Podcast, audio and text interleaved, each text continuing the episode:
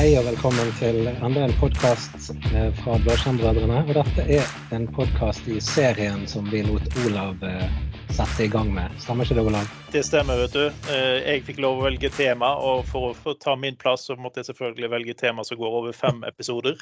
Minst fem, ja. Men i dag skal vi snakke om eh, noe som ligger litt på toppen av alt det andre.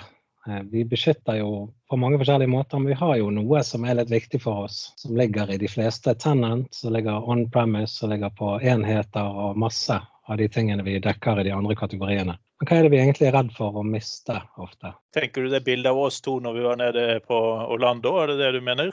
For eksempel. Et veldig viktig bilde. Mm. Nei, det, det var faktisk oss tre, hvis jeg husker riktig. Så. men det er jo denne informasjonen, og, det er vel ingen stor hemmelighet om at jeg er litt opptatt av å beskytte denne informasjonen. Så vi begynner dagen med rett og slett en fun fact. Det er det at estimert at i 2025 vil verden lage og replikere 163 zettabytes med data. Dvs. Si en god ti ganger fra 2016. Det er ganske heftig. Mm. Og mye av det, jeg vil, jeg vil påstå at en del av det vil vi jo gjerne beholde og beskytte. Mm. Mm. Selv om eh, Ja, dataene er jo i alle retninger. Det er jo, No, noe av det vil bli at det skal forsvinne også, for så vidt. da. Så, Det er sant. Bå- Både dataene og minnene. Mm.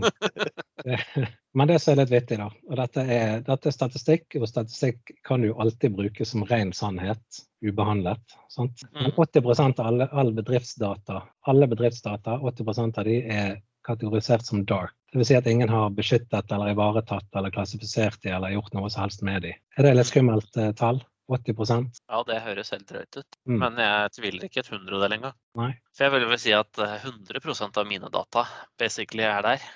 Ja, du vet at de finnes et sted, men du er ikke helt sikker på hvor. Ja, Det- det er og jeg vet nok hvor, men ikke altså, jeg, Og jeg vet kanskje kalle det filtyper og litt sånt. Men eh, ja, klassifisering er på en måte noe litt annet igjen, da. Føler jeg liksom sensitivitet og forskjellige sånn type Mm. ting. ja, for det er det jeg tenker, Hvis det tallet med 80% hadde vært ubeskyttet, altså ukryptert, og 20% kryptert, så hadde vi kanskje vært inne på et godt sted. Men her er det snakk om at det er uklassifisert. Det er jo ikke tatt en eh, Mm. vurdering om eh, viktighetsgraden av dataene i det hele tatt. Helt riktig. Det er rett og slett snakk om eh, data vi egentlig ikke har noe som helst forhold til. Det, det bare ligger et eller annet sted. Og, og det, ja, det er interessant. mm, og det er det som vi gjerne spør om i Nå skal ikke jeg nevne produkter, men i forskjellige eh, prosjekter da, som går på informasjon. Det er jo eh, Vet du eh, vet, Har du kontroll på dataene dine? Har du kontroll på eh, når de beveger seg, når du sender de ut på e-post, når du deler de fra SharePoint, eh, når det legges på mobiltelefoner og det er minnepenner osv. Har du da kontroll? Det er litt som eh, jeg tenker på sånn tradisjonelt sett, når jeg har snakket litt sikkerhet med forskjellige, med forskjellige firmaer, spesielt små firmaer, eh, så sier de at det er ikke så viktig å investere i dette for oss, sier de, for eh, vi har ikke vi har ikke store fisk. Det er det ene de sier. Det er ikke noen som er ute etter oss. Mm. Eh, og samtidig så har vi ikke noe som er så viktig å beskytte. Og så Mm. kan du da bare spørre dem kan jeg få lov å ta kundelisten din og den interne prislisten og sende den ut på internett. Nei, det må du for guds skyld ikke gjøre. Nei. Ja, Ikke men allerede nå har du gått forbi det der og si at vi er ikke så viktig, vi har ikke viktig data. Mm. og det, det, det liksom, de har ikke engang tatt tanken om hvordan skal vi klassifisere det. Altså ikke mentalt engang. De har ikke engang mentalt klassifisert hva de har. Mm. Mm. Ja, ikke sant? Fordi, altså, alle kunder som, eller alle kunder sier, jeg, alle som har en konkurrent, har bedriftskritiske data, Mm. vil jeg vel påstå. Absolutt. Vi har jo, jeg skal ikke nevne navn på den bedriften, men vi har jo en skal vi kalle det bedrift eller en offentlig etat som hadde et uhell med dataene sine her for en liten stund siden, som da ble tilgjengeliggjort på det mørke nettet. Og dette er jo, det er jo ting som du gjerne ikke tenker på før det skjer. Hvor mye data har vi om andre personer? Greit at det gjerne ikke er noe bedriftskritisk, men kanskje det er kritisk for, for en person. Hvis jeg har alt om Marius, jeg, jeg kan eh, navnet på første dyret hans, jeg kan eh, adressen hans, jeg kan eh, alt mulig om han. Så er steget mye kortere før jeg kan bruke det til noe. Når vi sitter på sånne data, så har vi et enormt ansvar. Jeg tror mange glemmer det, eller i hvert fall ikke har lyst til å tenke på det. Ja, med den prosesseringskrafta som man har tilgjengelig, og på en måte det å sammenstille data og den type ting, så si at du vet at ja, den første bikkja mi heter Janka, og jeg er født på Elverum, på en måte, Mm. og jeg bruker security passwords, så, så kan du alltids klare å sammenstille litt, fra, litt data fra den kommunen, fordi jeg søkte en eller annen jobb der, ikke sant? Altså det, Ja.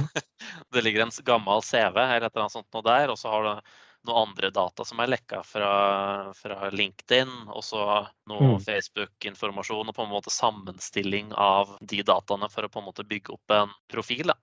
Mm. Skal, skal vi kanskje ta en sånn kjapp oppsummering på, på hva lag eh, vi snakker om her? Altså hvordan lagene blander inn i hverandre her. For at vi har jo eh, hovedlagene som eh, ligger over her, vil jo være identitetsbeskyttelse. sant? Mm. Altså hvem er du, og får du lov å komme inn? Så da sikrer vi jo at det, det er kun de som får lov å komme inn, som når dataene. Og så når vi går på eh, et av de andre lagene, så vil det være enheten som kan være en vurdering. Men når vi Mm. snakker om information protection, så er det jo et helt annet lag. for at eh, det laget kan jo forutsette at de to andre lagene har feilet. Og det er det som er ganske viktig her. At hvis disse lagene feiler, eller hvis noen tilfeldigvis skriver Marius i e-posten, og så kommer det opp en annen Marius, Mm. eh, og så sender vi det. sant? Altså det, er det, det, det, det laget vi faktisk nå begynner å snakke om. Hvordan beskytter vi selve det laget? Mm. Og det er jo på en måte et lag som er såpass kraftig at i teorien da, så skal du kunne bruke det pluss identitet. Mm. Hvis du, for du må på en måte vite hvem som skal kunne også dekryptere de dataene og åpne det Word- Word-dokumentet f.eks. Um, I teorien så skal du kunne fint bare legge alt offentlig, og så bare sikre dokumentene. Altså, du gjør ikke det i praksis, men, eh, Mm. men eh, det, er en sånn, det er et veldig, kall det veldig god siste utvei. Sånn om, om noen laster ned det en OneDriven eller det SharePoint-området eller hva som helst. USB, floppy-disken. sånn. Ja. Mm. Ja. Veldig mange av de eh, informasjonsbeskyttelsesmetodene vi har i Microsoft 365, det går jo på kryptering. Og det går jo på kryptering opp mot identitet. Så det vil si det at hvis du sender dette til en feil Marius jeg fikk, Dette skjedde med meg faktisk forleden dag. At jeg får først en e-post med et vedlegg, og så kommer det rett etterpå et ønske om å tilbakekalle den e-posten. Eh, nå leste jeg aldri det vedlegget. Jeg vet ikke om det var sensitivt eller kritisk, for jeg lot den tilbakekalle den. Men hvis, hvis du gjør det med, med informasjon som er sikret gjennom tjenestene i Microsoft 365 f.eks., og andre tredjepartstjenester, så ville ikke det vært den samme eh, ydmykelsen eller krisen. For det at du vet at du kunne aldri lest dette innholdet uansett. For det er kryptert opp imot den identiteten det var ment for. Mm. Og så er nå jo du en usedvanlig snill person. Ja. Eh, For hvis jeg hadde fått en tilbakekalling om noe, så er det, har jeg aldri noensinne hatt så lyst på å åpne opp en mail som jeg får den tilbakekallelsen. Ja, Jeg, jeg har ikke nysgjerrighet for sånne ting. det har jeg ikke. Men, men det som er grådig interessant, er at jeg har jobbet med informasjonsbeskyttelse siden, siden det het RMS. Og det har jo vært en enorm utvikling eh, på, på den, både hos Microsoft og hos andre. Men, men kundene har ikke hengt med. Eh, det har ikke vært veldig mange store prosjekter på dette. Jo da, vi har hatt noen. Og hver gang noen hører om mulighetene, så tenker de oi, det høres jo kjempebra ut. Og så implementerer de f.eks. AIP, eh, setter opp fire labels, og så er de ferdige. Sant? Men, men prosjektene er jo, det er jo mye mer enn det. Sant? Det er det vi gjør.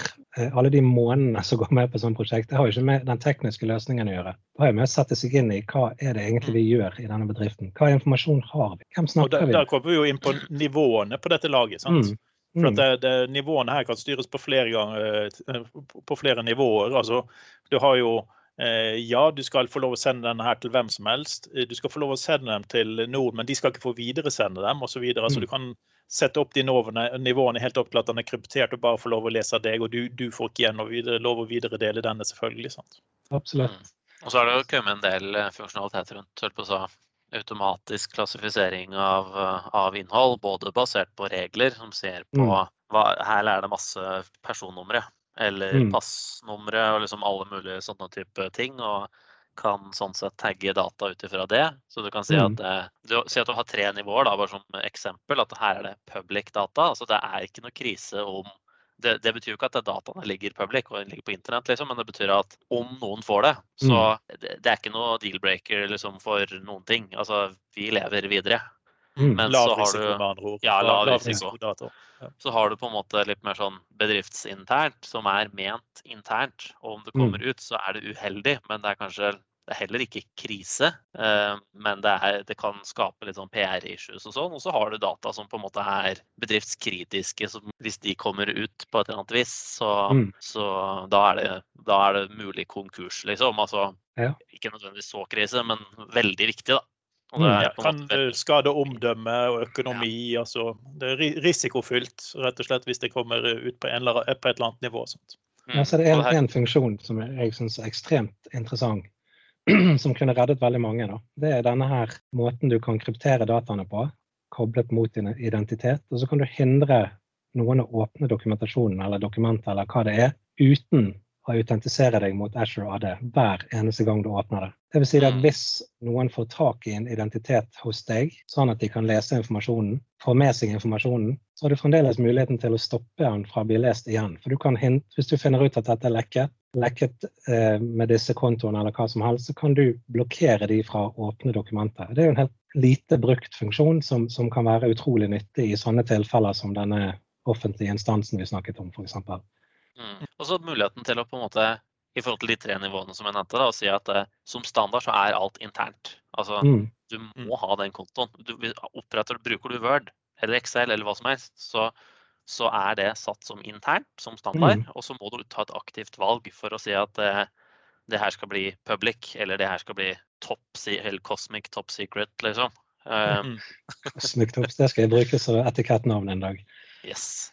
Ja, Ja, men det, det er egentlig ganske viktig der, for hvordan kan vi gjøre det litt tryggere uten å plage brukerne generelt sett? Og da kommer jo akkurat den der eh, in, interne eh, bruklabelen som en viktig ting. for at eh, det, det vil ikke plage deg i hverdagslivet ditt, men i det du skal dele noe, så må du faktisk ta et bevisst valg.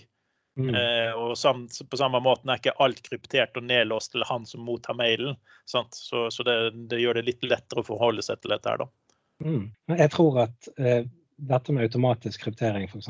Det, det kan være nyttig bare hvis man setter seg inn i hvilken informasjon man har, og hva man faktisk jobber med. For Ellers så blir det en irritasjon hvis, du, hvis alt plutselig blir låst ned. Men Mm. du, kan- du kan jo velge å bruke noen av de 100 pluss eh, kategoriene som er definert hos Microsoft. Mange av de er ikke relevante i Norge i det hele tatt. Eller du kan lage dine egne informasjonstyper. F.eks. hvis du har du jobber på et mekanisk verksted, du har en ordrenummer som på en måte har en fast lengde eller hva. Hver gang du lager en sånn, så vil du at de skal klassifiseres. Så kan du lage din egen eh, informasjon Mm. autoklassifiserer. Men alt dette føler jeg det krever innsikt i din egen eh, data. Så du får på en måte, og det er et pluss for meg. For at, ja, du får et informasjonsbeskyttelsesprosjekt gående, men samtidig så lærer du deg å forstå hva som faktisk skjer i bedriften din. Hvem er det som egentlig utveksler informasjon i løpet av en arbeidsdag? Eh, internt, eksternt osv. Men der kommer vi også inn på noe annet som er ganske viktig å tenke seg over. Det, det er at du kan jo faktisk bruke eh, eh, lokasjoner av data. Altså istedenfor at brukerne skal ta en aktivt valg, eh, så kan det være sånn at du kan sette at disse områdene her vil automatisk medføre at det blir satt et label eller en klassifisering eller en beskyttelse på, på dataen. Da. Så det er ikke alltid. Eller du kan si at du får ikke åpne dette her uten at du sitter på en enhet som er styrt av bedriften. Mm. Sånn, Hvis du sitter hjemme, så får ikke du lov til å åpne, sitte hjemme på hjemme-PC-en, så, så kan ikke du åpne det. Punktum. Mm. Sånn, du bruker conditional access til å koble opp mot informasjonsbeskyttelse. Mm. Mange, altså det, det er helt fantastisk mange muligheter, men det krever en refleksjon rundt det du faktisk gjør og har. Ja, og så er det jævlig mye jobb å gjøre opp igjen. Sånn hvis du først har sikra alle dataene dine, eller i hvert fall en god del, da. Og på en måte Shit, her må vi finne på noe nytt av en eller annen, en eller annen grunn, da. Så er jo det en ganske kjip jobb. Så det er jo greit å gjøre det riktig fra, start, fra dag én. hvis du endrer på en klassifiseringsetikett, f.eks. i AIP, så vil ikke det endre dataene som er allerede er klassifisert, før du tar i de igjen. Nei. Mm. Eller kjøre en reklassifisering med Ja. hjelp av en skanner. Typ. Så ja da, vær, tenk igjennom ting før du gjør det. Sett deg ned med flytdiagrammet ditt og lag en ordentlig plan. Men, men jeg tror, som vi snakket om tidligere, at det er kanskje et jeg, ok, jeg er kanskje feil person til å si det, men jeg føler at dette er et av de viktigste punktene når vi kommer til sikkerhet av, i bedriften vår. Identitet og eh, informasjon, den koblingen. ekstremt. Jeg bryr meg ikke om noen eh, Jo da, jeg, altså ransomware og sånne ting er den store frykten. Det er klart at det hjelper ikke om du har kryptert dataene, så klarer ransomware å kryptere oppå og ødelegge det like godt. Så det er ikke noe beskyttelse i det. Ja, men Han vil bare ødelegge dataen din videre. Men han Mm. eh, blir ikke så lett å spre da, hvis han er eh, kryptert. eh, Så. Mm, riktig. Mm, nei, så tilgjengelighet, det er jo på en måte ikke det, det eller hører på å si, i CIA-trekanten. Mm. Confidentiality, integrity og availability. Nå kom det med Hallo, jeg har jo tross alt CISSP-sertifiseringer. Jeg sitter og leser på det samme, så Ja, det. Men, men kanskje, kanskje noe som man eh, egentlig bør begynne med før man går inn på dette, her, det er jo kanskje en opprydningsjobb. Eh, sånn at når man begynner å ta forhold til dette, her, så må man bli kvitt litt av det gamle søppelet man har liggende. Veldig godt poeng. Og hvor mange ganger har vi den samme, det samme informasjonen lagret flere ganger på flere steder osv. Få et bevisst forhold til, til informasjonen din er vel egentlig en av hovedtingene man gjør når man setter i gang. En av de mest morsomme tingene jeg var borti, det var jo noen som da hadde replikert filserveren sin over på en ny filserver. Og så hadde de glemt å skru av tilgangen til den gamle, så det var data som var endret på det på den nye filserveren den gamle. Så de hadde terabyte ganger terabyte. Mm. Eh, og du måtte faktisk sjekke er det noe her som er blitt modifisert siden mm. de flyttet det til den nye serveren. Sant? Så, så litt, ja, litt, kontroll og rydding, eh, sånn at du faktisk eh, klarer å se på tingene. Men, men kunne, sku, vi begynner å nærme oss slutt, men kunne vi gitt oss et godt, noen gode tips om hvordan vi begynner, og hva vi bør tenke på som første ledd i beskyttelsen vår? Ja, Vil du ha mitt tips? Ja. Jeg, jeg føler jo at, at veldig mange bare må begynne. Altså, det, er ikke, det, er ikke, alltid sånn at man må ha et kjempestort prosjekt. Av og til er det faktisk nok med de fire etikettene og den lille muligheten til å sikre informasjonen sin. Men én ting som henger veldig sammen med det, det er brukeropplæring. Jeg, jeg har nok av eksempler der plutselig folk sier at jeg har fått opp noe nytt i, i Office-applikasjonene mine. Står noen sånne etiketter her, jeg vet ikke hva det er for noe. Jeg vet ikke hva jeg skal bruke det til. Da har du feilet. Men begynn enkelt. Ha masse informasjon til brukere. Kjør opplæring. Det er mitt tips. Ja, for da, da unngår du den der klassiske at uh, folkene finner sin favorittkategori, og så lager de alltid den. sant? Altså Cosmic Top Sikkerhet hadde jo vært min kategori uansett hva det var. sant? Julekort til familien. Ja. Så, nei, det, det, er egentlig et godt uh, råd. Altså, man må bare begynne, og så bør man kanskje tenke litt på at hvis man begynner i det små, Eh, så blir det litt lettere. Altså, jeg, har jo ofte sett at eh, et sted man begynner, det er jo da med personal-HR-avdelinger som har veldig mye sensitiv informasjon og må ha disse tingene på plass. Og det kan være lettere å For de skjønner hvorfor, så det kan være lettere mm. å få dem til å gjøre det. Eh, og når de har begynt, så vil man plutselig ha et rammeverk på plass, og man vil ha brukererfaring, så kan man kanskje utvide det til å gjelde flere avdelinger når man faktisk har det rammeverket på plass. Mm kan gjerne begynne med en POC, til og med, altså et proof of concept, der du har en pilotgruppe. Og så bruker du de erfaringene til å bygge et skikkelig oppsett. Mm. mm. Og på sånn GDPR og sikre personinformasjon og, og, sånt kan jo være på en måte et uh, greit første mål. da. Som at mm. det, er liksom, det er target uh, innhold. Ja, veldig bra. Det er fordelen med GDPR som jeg prøver å fremheve hele tiden. Det betyr faktisk at du må rydde litt i dataen din. Du må få litt oversikt, hvis ikke så får du bot. Mm. Så Mm. Det er egentlig bare å starte med informasjonskategoriseringen sin uansett hvordan man tenker. Om man vil ha verktøy på plass for å gjøre dette, her, eller om man vil gjøre det manuelt, så må du ha et forhold til dataen din i disse dager. Mm, absolutt. Ja, men Kanonbra. Jeg tror vi har fått en litt oversikt. Det kan jo hende at Hvis interessen er her, så kan vi gå i dybden på noen av produktene som gjør dette her eh, i egen episode seinere. Men eh, takk for nå, Pål og Marius. Takk for det. Takk, takk for meg.